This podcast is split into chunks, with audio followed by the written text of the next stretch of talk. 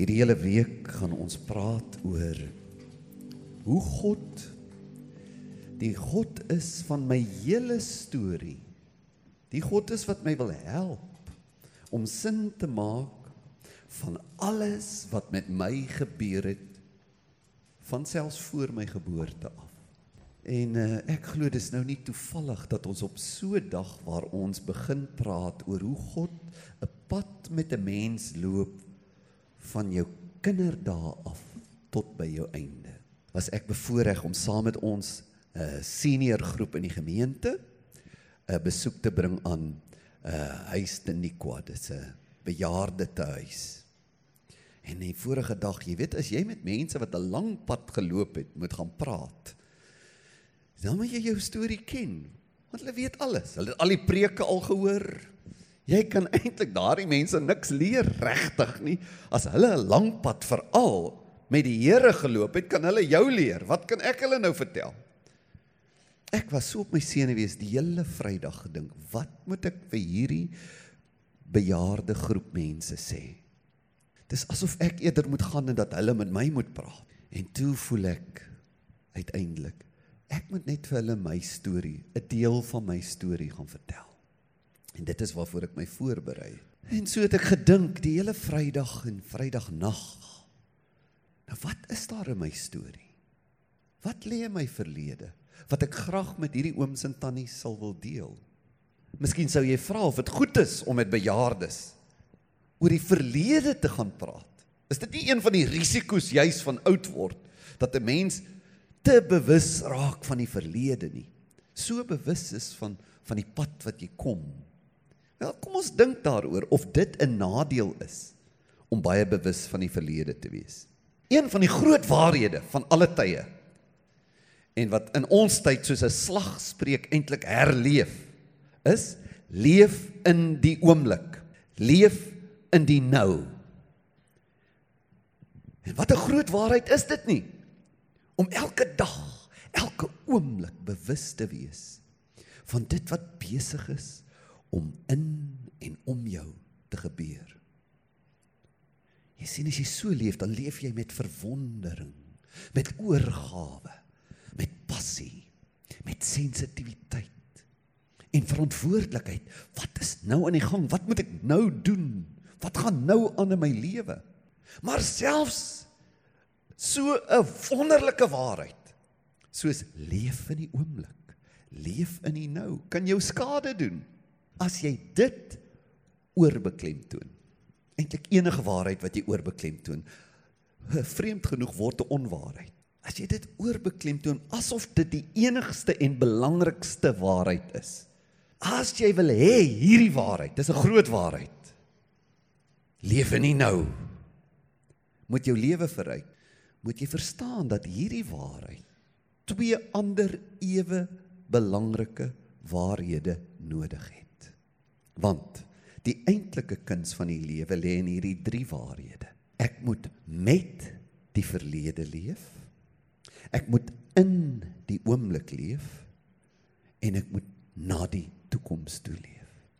Hulle vat hande. Die oomblik as jy een van hierdie nie in die groepie het nie, dan verdwaal jy. Hoe jy maak met die feite van gister help jou om vandag beter te leef en op pad te wees na nog 'n beter môre. So werk ons lewensstorie. Daarom praat ons vandag en gaan elke dagstuk in jou 40 dag dagstuk boekie.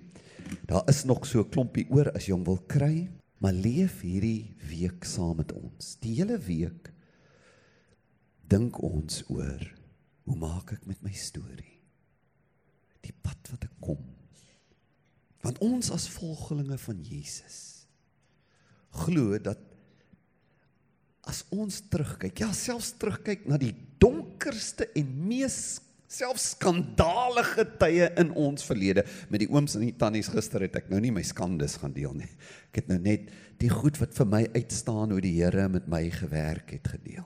Maar selfs as jy sou terugkyk na daardie dele van jou storie wat soos geheime lê wat jy nie wil hê enige iemand moet van weet nie. Ons kan selfs na daardie oomblikke toe terugkyk, daaroor dink en soms selfs praat sonder om morbied te wees of deur skuldgevoelens te getuister te word. Dis deel van wat dit is om 'n Christen te wees. Dis waarmee ons leef. Ons sê ons het goeie nuus gekry. Niks wat in die storie van my lewe lê kan my verhoed om 'n vol lewe te lei nie. Dis die evangelie, goeie nuus. My verlede wat ek gedoen het of wat ander mense aan my gedoen het, kan my nie diskwalifiseer vir 'n vol lewe nou en vorentoe nie. Al was ek hoe vuil, ek is gewas. Ek is skoon gemaak. Ek is vergewe. Al was ek hoe stikkend, God het my begin heel maak. Mense, dis 'n wonderlike nuus. Die die eenvoudige evangelie. Hoe wonderlik moet dit nie voel nie. Jy word ouer. Jy kom al hoe nader aan die einde van jou lewe. En alles kom bymekaar. Soos 'n verhaal met baie hoofstukke. Al die hoofstukke begin al hoe meer sin te maak. Jy sien die groot prentjie al hoe duideliker. Jy verstaan hoekom jy gelewe het. Jy sien God se hand in alles wat met jou gebeur het. Nie dat alles deel van sy plan was nie, maar jy kan sien hoe hy in alles met jou 'n pad geloop het. In die goed en die sleg, in dit wat hy wou hê en dit wat hy glad nie wou hê nie. Hy was daar vir jou. Jy sien hoe hy jou gehelp het om met dinge te deel en daardeur te groei. En hoe hy selfs van die slegste dinge wat in jou storie gebeur het begin gebruik. Dit deel gemaak het van jou toerusting waarmee jy ander begin help het. Dink daaraan. Uiteindelik aan die einde van jou lewe. En jy's dankbaar vir jou hele storie. Vir alles wat met jou gebeur het. En jy verstaan waar elke ding inpas en jy kan met vrede sterf. Begeer jy dit nie? Om nie te sterf met daardie gevoel. Ek hoekom? Wat het ons gebeur? Party mense gaan so uit die lewe uit. Dit kan anders wees. Maar dit hoef nie eers aan die einde van jou lewe te begin gebeur nie. Ons kom nie aan die einde ewe skielik by 'n plek waar ons begin verstaan nie. Asof alles jou hele lewe lank vir jou soos 'n spieël in 'n raaisel is wat Paulus nou sê. En dan skielik by jou laaste asem in die ewigheid, dan is die wasem van die spieël weg en nou sien jy al soos dit is en nou verstaan jy skielik nie. Hierdie vers in 1 Korintiërs 13 sê Paulus wel, ons ken ten dele. Maar wat hy bedoel is ons kan nie in hierdie lewe al die geheimenisse al die groot vraagstukke van die lewe oplos nie. Hy sê dit is so. Daar's tyd in die ewigheid wat ons hierdie groot misterie van dinge beter gaan verstaan. Maar hy bedoel tog sekerlik nie dat ons maar alle pogings om meer sin van die lewe te maak moet laat vaar nie. En hy bedoel ook definitief nie dat ons na ons eie lewe moet kyk asof ons verlede en ons storie en alles wat met ons gebeur het vir ons nie sal sin maak voor ons eendag in die hemel is nie. Absoluut bedoel hy dit nie. Jy kan nie daai vers dit laat sê nie. Die Bybel praat heeltemal anders as dat ons maar na ons lewensverhaal moet kyk as 'n onverklaarbare misterie wat ons nie sal kan uitpleis nie. En nou leef ek maar net van oomblik na oomblik in hierdie misterie en ek leef maar net in die nou en ek hoop vir die beste. Kan jy sien hoe gevaarlik kan daardie waarheid leef in die oomblik word as hy die enigste waarheid is? Die teenoorgestelde as dat alsmaar net 'n misterie bly is waar en dat ek nie daarmee moet deel nie. Die Bybel sê dat jy wel na jou hele lewe moet kyk en sin moet maak daarvan. Jy moet dit ondersoek. Jou verlede, jou hede en jy moet dink oor jou toekoms. Jy moet na jou pad wat jy kom aanhoudend kyk. En jou storie herinterpreteer oor en oor. En jy moet daarna kyk en vra, wat is die effek van my pad wat ek kom op my op my lewe nou? Is dit goed, is dit sleg? Moet dit verander? Hoe interpreteer ek dit? Ek moet begin sien hoe God met my werk vanuit die dinge wat met my gebeur het. Kan ek anders daaroor dink? Kan ek die pyn wat ek gehad het en die effek wat dit nou op my gemoed het, kan ek beter daarmee omgaan? Maar nou mag jy dalk sê, maar sê Paulus nie, ons moet die dinge wat agter is. Ek vergeet dit en ek strek my net uit na wat voor is nie. Daar is daai vers Filippense 4 vers 13. Ag 3 vers 14. 4 vers 13 dink ek is ook 'n mooi vers.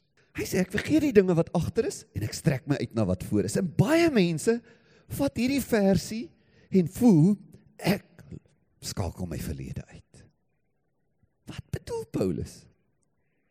In Filippense 3 as jy die hele hoofstuk gaan lees, praat Paulus van hoe hy geleef het voor hy Christus ontmoet het. Hy vertel hy was 'n Fariseer, 'n baie wettiese, selfregverdigende mens. Hy het hom beroem op sy geleerdheid en sy getrouheid aan die Joodse gebruike. En as Paulus sê hy vergeet die dinge wat verby is, sê hy hy daardie soort lewe vaarwel geroep. Hy leef nie meer so nie. Hy probeer nie meer sy saligheid verdien nie. Hy sê nie hy dink nie meer daaraan nie. Hy sê nie hy kyk nooit terug na hoe sy lewe verloop het nie want hy sê presies die teenoorgestelde want juis in Filippense 3 die hoofstuk waar hy sê hy vergeet die dinge wat agter is, die dinge wat verby is, is die hoofstuk waar hy oor daai dinge praat. Kan jy sien? Hy onthou daai dinge en hy praat oor hierdie dinge. En terwyl hy oor hierdie dinge praat, sê hy ek vergeet hulle. Hy het sin gemaak van hulle. Hy onthou dit en hy het 'n nuwe perspektief daarop. Hy sê daardie soort lewe wat hy goed onthou en wat hy dikwels gebruik as hy met mense praat, praat hy oor sy verlede. So vergeet hier kan nie beteken ek dink nooit daaraan nie, ek praat nie daaroor nie. Is verby, is weg. Hy sê net dit het nie meer hou vas op my nie. En vergeet hier beteken in hierdie hoofstuk glad nie. Dis so verby dat dit weg is. Ek skakel dit uit nie. En wat hy ook bedoel, as jy mooi na daai hoofstuk kyk, sê hy hy stagneer nie. As hy aan sy verlede dink, dan beroem hy hom nie die hele tyd daarop asof hy gearriveer het nie. Hy beroem hom nie net op sy prestasies van die verlede nie. In daardie sin vergeet hy dit. Hy het nie vasgehaak daar nie. Sien jy kan so in die verlede leef dat nostalgie en selfvoldaanheid oor wat ek al bereik het jou stapel die eet word. Dan kan selfs die goeie dinge in jou verlede jou vashou om nie na die toekoms toe te gaan nie. Paulus sê ek vergeet selfs my prestasies in die sin dat ek weet ek moet nou nog met nuwe dinge besig raak. Ek moet aanhou leef en vorentoe gaan en my uitstrek na wat ek nog moet doen. Ek rus nie op my lauere nie. Ek hoop jy het 'n beter begrip van die vers as jy dalk dit so interpreteer het. 'n Mens moet nooit aan jou verlede dink nie. Om nie met jou verlede te werk nie. Om jou verlede, jou storie as nie so belangrik te sien nie. Jou storie te te probeer ignoreer. Jou storie, jou verlede te probeer uitblok en te probeer vergeet. So 'n opdrag is nêrens in die Bybel nie. 'n Mens se storie is jou lewe. Elke ervaring van jou lewe het jou gevorm en daarom moet jy dit erken, verwelkom en aanvaar. Hoe wil God dit wat met my gebeur het gebruik om my nou te vorm? Eers as jy dit deel van wie jy is. Die Engels het 'n mooi woord daar, embrace kan jy daarvan begin sin maak. Ek blok dit nie uit nie. Ek vra God om met daardie storie in my te werk. Kom ek vertel jou van 'n besondere vrou in ons gemeente. Liana Liebenberg, sy is hier vanoggend. Maar sy's baie gewillig om met enige iemand te gesels wat deur haar storie aangeraak word en miskien gesprek nodig het. Sy is 'n meer 'n 1 tot 1 mens. In 1992 was haar lewe idillies. Sy was getroud, twee kinders, die oudste 'n seentjie, die jongste 'n dogtertjie. En dan sterf haar pa. 'n Paar maande later sterf haar 3-jarige dogtertjie. Na wat aan haar man en aan haar gesê is die operasie, eintlik nie 'n operasie, dit was 'n prosedure om 'n aar te vergroot om haar bloeddruk te normaliseer. Die dokters sê as geen risiko nie, sy hoef nie eens hospitaal toe te gaan nie. En die dogtertjie is dood. En dan 18 maande later ry Liana en haar man na Mariesburg toe om blomme op die graf van hulle dogtertjie te gaan sit. Terwyl hulle daar is, is daar 'n polisiekonstabel wat een of ander grief het en in 'n soort van 'n psigotiese toestand raak. Hy raak buite homself en hy begin roekeloos skiet in die dorp, in die polisiestasie. Leana se man gaan kyk, wat gaan aan? En hierdie polisiekonstabel skiet Leana se man deur die venster mors dood. Op die naweek wat hulle wil gaan en vertroosting probeer vind oor hulle dogtertjie se dood, is haar man doodgeskiet. In 2 jaar word 'n jong vroutjie se lewe verwoes. Haar pa, haar liefling dogtertjie en haar man dood. Ek het Liana hieroor hoor praat in ons pastorale narratiewe kursus. En ek het so 'n warm gevoel in my hart gekry oor hoe God 'n mens kan help. Dat 'n storie wat die meeste mense kan vernietig van haar 'n groter mens gemaak. En verlede week het sy vir my hierdie e-pos gestuur oor haar storie. Hoe sy sin probeer maak het in haar herstelproses. Kan ek vir jou dit lees? Ek het dit probeer so kort as moontlik hou. Sy sê: "Aan die begin is jy bitter kwaad vir die Here. Jy kan nie bid nie. Jy kan nie Bybel lees nie. Jy kan nie kerk toe gaan nie. Jy kan net huil en verwyd. Mense raak kwaad, sê sy. As mense vir jou sê, ek kan my net voorstel hoe jy moet voel of ek weet hoe dit moet voel. Nee, hulle weet nie. Hulle kan nie eens amper weet nie. Jy wil nie eens hê mense wie se kinders nog lewe en wie se mans nog lewe naby jou moet kom nie. By jou moet kom kuier nie. Hoekom kan hulle as gesin saam wees en ons nie? Sy sê ek moet sterk wees vir my 7-jarige seun. Daarom huil jy jou hart uit as die badwater inloop Sy sê as die badwater loop dan huil sy, laat as, laat die seentjie nie moet hoor nie, sodat hy nie jou swakheid sien of hoor en self banger word nie. Mens probeer bid sê sy, maar al wat jy kan sê is hoekom? Na lang tyd, maande, het ek eendag die Bybel geneem en gevra die Here moet my nou en sy onderstreep die nou antwoord as hy daar is en wel omgee. Ek was stom van verbasing oor hoe duidelik sy antwoord was.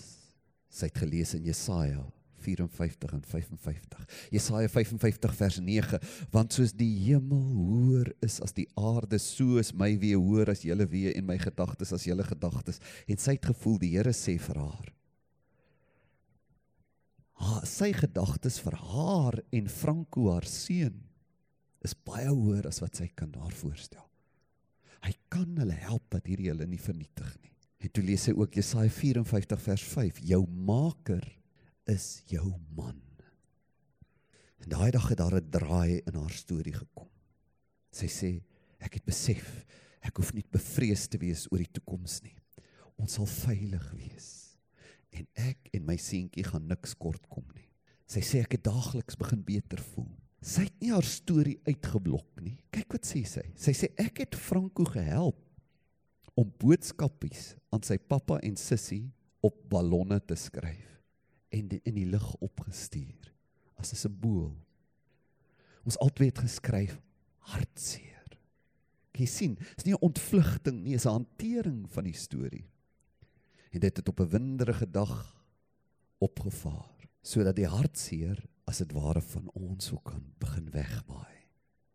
Sy sê ek het my seun herinner dat sy dat Jesus sy pappa in die hemel is. En dat Jesus vir sy pappa Johan boodskappe kon gee en hom kon toelaat selfs om sy rugby oefeninge te sien. Sy sê ek het 'n scrapboek van my oorlede dogtertjie gemaak om weer saam met haar haar 3-jarige lewetjie te leef. Dat ek dit nie vergeet nie. Ek het briewe vir haar en vir Johan geskryf en dit in die boek gesit. Een ding weet ons beslis, hulle wag vir ons. Ons hou aan daai verlede vas en ons sien uit na die toekoms en dit help ons in die hede. Sy sê ek kan seker 'n boek skryf oor alles wat ek nog kan vertel, maar dan gaan Koos nie 'n kans kry om te preek nie en dit sal natuurlik 'n ramp wees. Sy sê vandag is Franco 'n ongelooflike groot Christen. Wonderlik dat 'n ma dit kan sê. En baie suksesvol in alles wat hy aanpak. En ek het hom ook gedoop. Sy sê sy het haar eie geakkrediteerde rekenaarskool in George begin van onder af weggetrek oor begin en is baie suksesvol.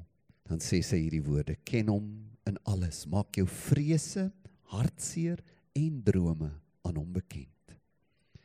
En weet net dat jy tot alles in staat is deur hom wat jou krag gee. En dan sê sy hierdie woorde: Ek help graag mense wat hulp nodig het of net wil praat. In my donkerste ure het ek iemand gesoek om mee te praat wat deur dieselfde trauma as ek gegaan het. Iemand wat verstaan, voel en weet, nie iemand wat nie weet nie. Sy sê hierdie pastorale narratiewe kursus het vir haar baie gehelp om haar storie beter te verstaan. En dan eindig sy met hierdie woorde: Jy kan vrede maak met jou verlede. Dis haar woorde tevrede wees met jou hede. Sy het nog nie die preek van vanoggend gehoor toe sy hierdie skryf nie. En verseker wees van jou toekoms omdat jy weet dat alles in God se liefdevolle hande is.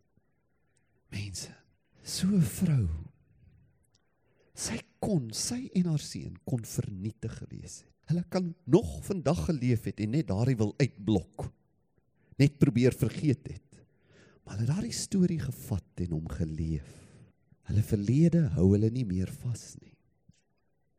Wat 'n besonder getuienis van iemand wat die storie van haar lewe nie probeer ontvlug het nie, maar ingebou het in hoe sy nou met die Here leef en hoe sy aan haar toekoms dink. Drie dinge wat ek voorstel wat jy moet doen met jou storie. Ek wil sê jy moet as jy terugdink aan jou storie, partykeer blok gelowiges hulle lewe voor hulle Jesus leer ken het uit. Dis 'n baie groot fout. Jy moet jou lewe sonder Christus onthou. In die Bybel herinner jou oor en oor daaraan.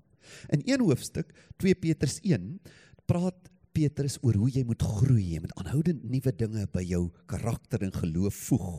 Hy sê maar as jy dit nie doen nie, Hy by wie hierdie dinge nie aanwesig is en toeneem nie. 'n Mens wat nie bly groei nie, is blind en kortsigtig en het die reiniging van sy vorige sondes vergeet.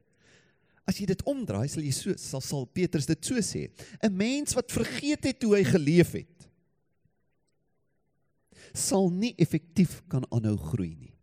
Hy sê moenie vergeet waarvan jy vergewe is nie. Hoekom nie? Ook Paulus, voordat ek sê hoekom nie, in Efesiërs 2 vers 11 sê, onthou dat julle wat vroeër heidene dat julle vroeër heidene was en in die vlees was. Onthou dit. Selfs al het jy in die kerk groot geword en jy kan nie eens onthou dat jy 'n onverskillige lewe geleef het nie. Dink jouself in in die swakhede waarvan jy bewus is. Sê nou jy het nie so groot geword het nie. Wat sou jy gewees het? Wat is die slegste moontlike lewe wat jy sou kon geleef het? Hoekom moet ons so ding? Want die uitwerking van so 'n onthou van my storie. Ek sê jy's vir vir die orkes en almal wat uh, help met die diens voor die tyd as ons saam bid. Ek sê vir hulle vanoggend weer, as julle wat om die tafel staan en nou saam my gaan bid. My storie regtig ken. Ek meen nou die lelike deel van die storie. Dan was julle nie vandag hier nie. Ek moet myself gedurig deur herinner.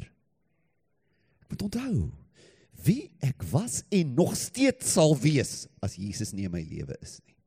Want die uitwerking is dan nederigheid, genade. Ek raak ek raak bewus, ek bewonder God vir sy genade. Want ek onthou wie ek was en wie ek sal wees sonder hom. Dit maak my ook waaksaam en dankbaar.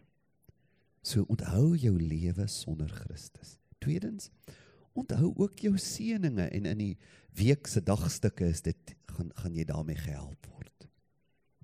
Kyk wat sê uh, Psalm 103: Loof die Here o my siel en vergeet geen een van sy weldade nie. Dink aan die goed wat met jou gebeur het. Selfs die dis is amper 'n teenstrydigheid. As jy dink aan die lelike goed, dan onthou jy onmiddellike weldaad want jy onthou die vergifnis. Onthou sy weldade. Onthou die goeie dinge, die lekker dinge, jou herinneringe. Deuteronomium 11 vers 2 sê remember today what you have learned about the Lord through your experiences with him. Hou boek, Here, en dit is toe ek nou moes gaan praat met daardie bejaardes in die huis. En ek moes net weer 'n paar hoofstukke van my lewe so aandink dat ek met mense daaroor kan praat. Remember what you've learned through your experiences with the Lord. Die teenoorgestelde waarsku Deuteronomium 8 ons teen. Hy sê as jy nou suksesvol is, hy praat met die Israeliete nadat hulle nou getrek het uit Egipte. Hy sê moenie in jou hart dink my krag en die sterkte van my hand het vir my hierdie rykdom verwerwe. Maar dink aan die Here jou God, dit is hy wat jou krag gegee het om rykdom te verwerwe, dat hy sy verbond kan bevestig wat hy aan die vaders met 'n eed beloof het. Hy sê ook die suksesse van jou lewe, vier hulle. Dink aan hulle en dank God daarvoor. As jy as jou besigheid 'n nuwe plek bereik het of jy 'n nuwe huis of daar sukses of jy vier dit op 'n wonderlike manier en dank God, eer hom daarvoor. Maak oomblikke Onthou jou seëninge waaroor ons nou reeds gepraat het. Onthou ook jou pyn. Moenie van jou pyn af vlug nie. Vat daai swaar kry en sê Here, dit was nie verniet nie. Selfs al al het die bose dinge in my lewe reg gekry. Bring dit na U toe. U kan dit gebruik. U kan my heel maak en U kan my gebruik. Paulus sê vir die Galasiërs, was al julle swaar kry dan verniet? Dit kan tog nie verniet wees nie die goed wat hier jy is, die hartseer wat jy liewer sou vergeet, moenie dit vergeet nie. Bring dit na God toe. Sê Here, maak eerstens my heel. Help my om 'n boodskap te wees. My storie is my boodskap. Jy het 'n wonderlike storie. Jy het 'n unieke storie. Selfs die donkerste goed in jou lewe, dis net jou. Bring dit na God toe. Hy kan iets wonderlik daarvan maak. Kom ons bid saam. Dankie Here vir hierdie oggend. Ons dink weer aan hierdie gesinnetjie wat hulle kind gebring het. So het elkeen van ons wat hier sit, was ons erns so 'n klein babietjie en het ons ouers vir ons gedroom. Maar elkeen van ons se lewe het erns skeef geloop. Soveel trane. Siekte, dood, teleurstellings om nie eers te praat van sonde nie. Mislukkings. Here, ons bring dit na U toe. Dit was nie verniet nie. Dis ons storie. Maar U storie is 'n genade storie. U kan ons help dat die goed ons nie vernietig nie. Maar ons toerus. Ons kom na U toe, Here. Ons bring ons hele lewe weer voor U en help hierdie wonderlike mense wat vandag hier sit om nie in minderwaardigheid, skuldigheid, morbiditeit te vlug van dinge nie, maar dit oop te maak voor U. Vry te lewe, want U is goed. Amen.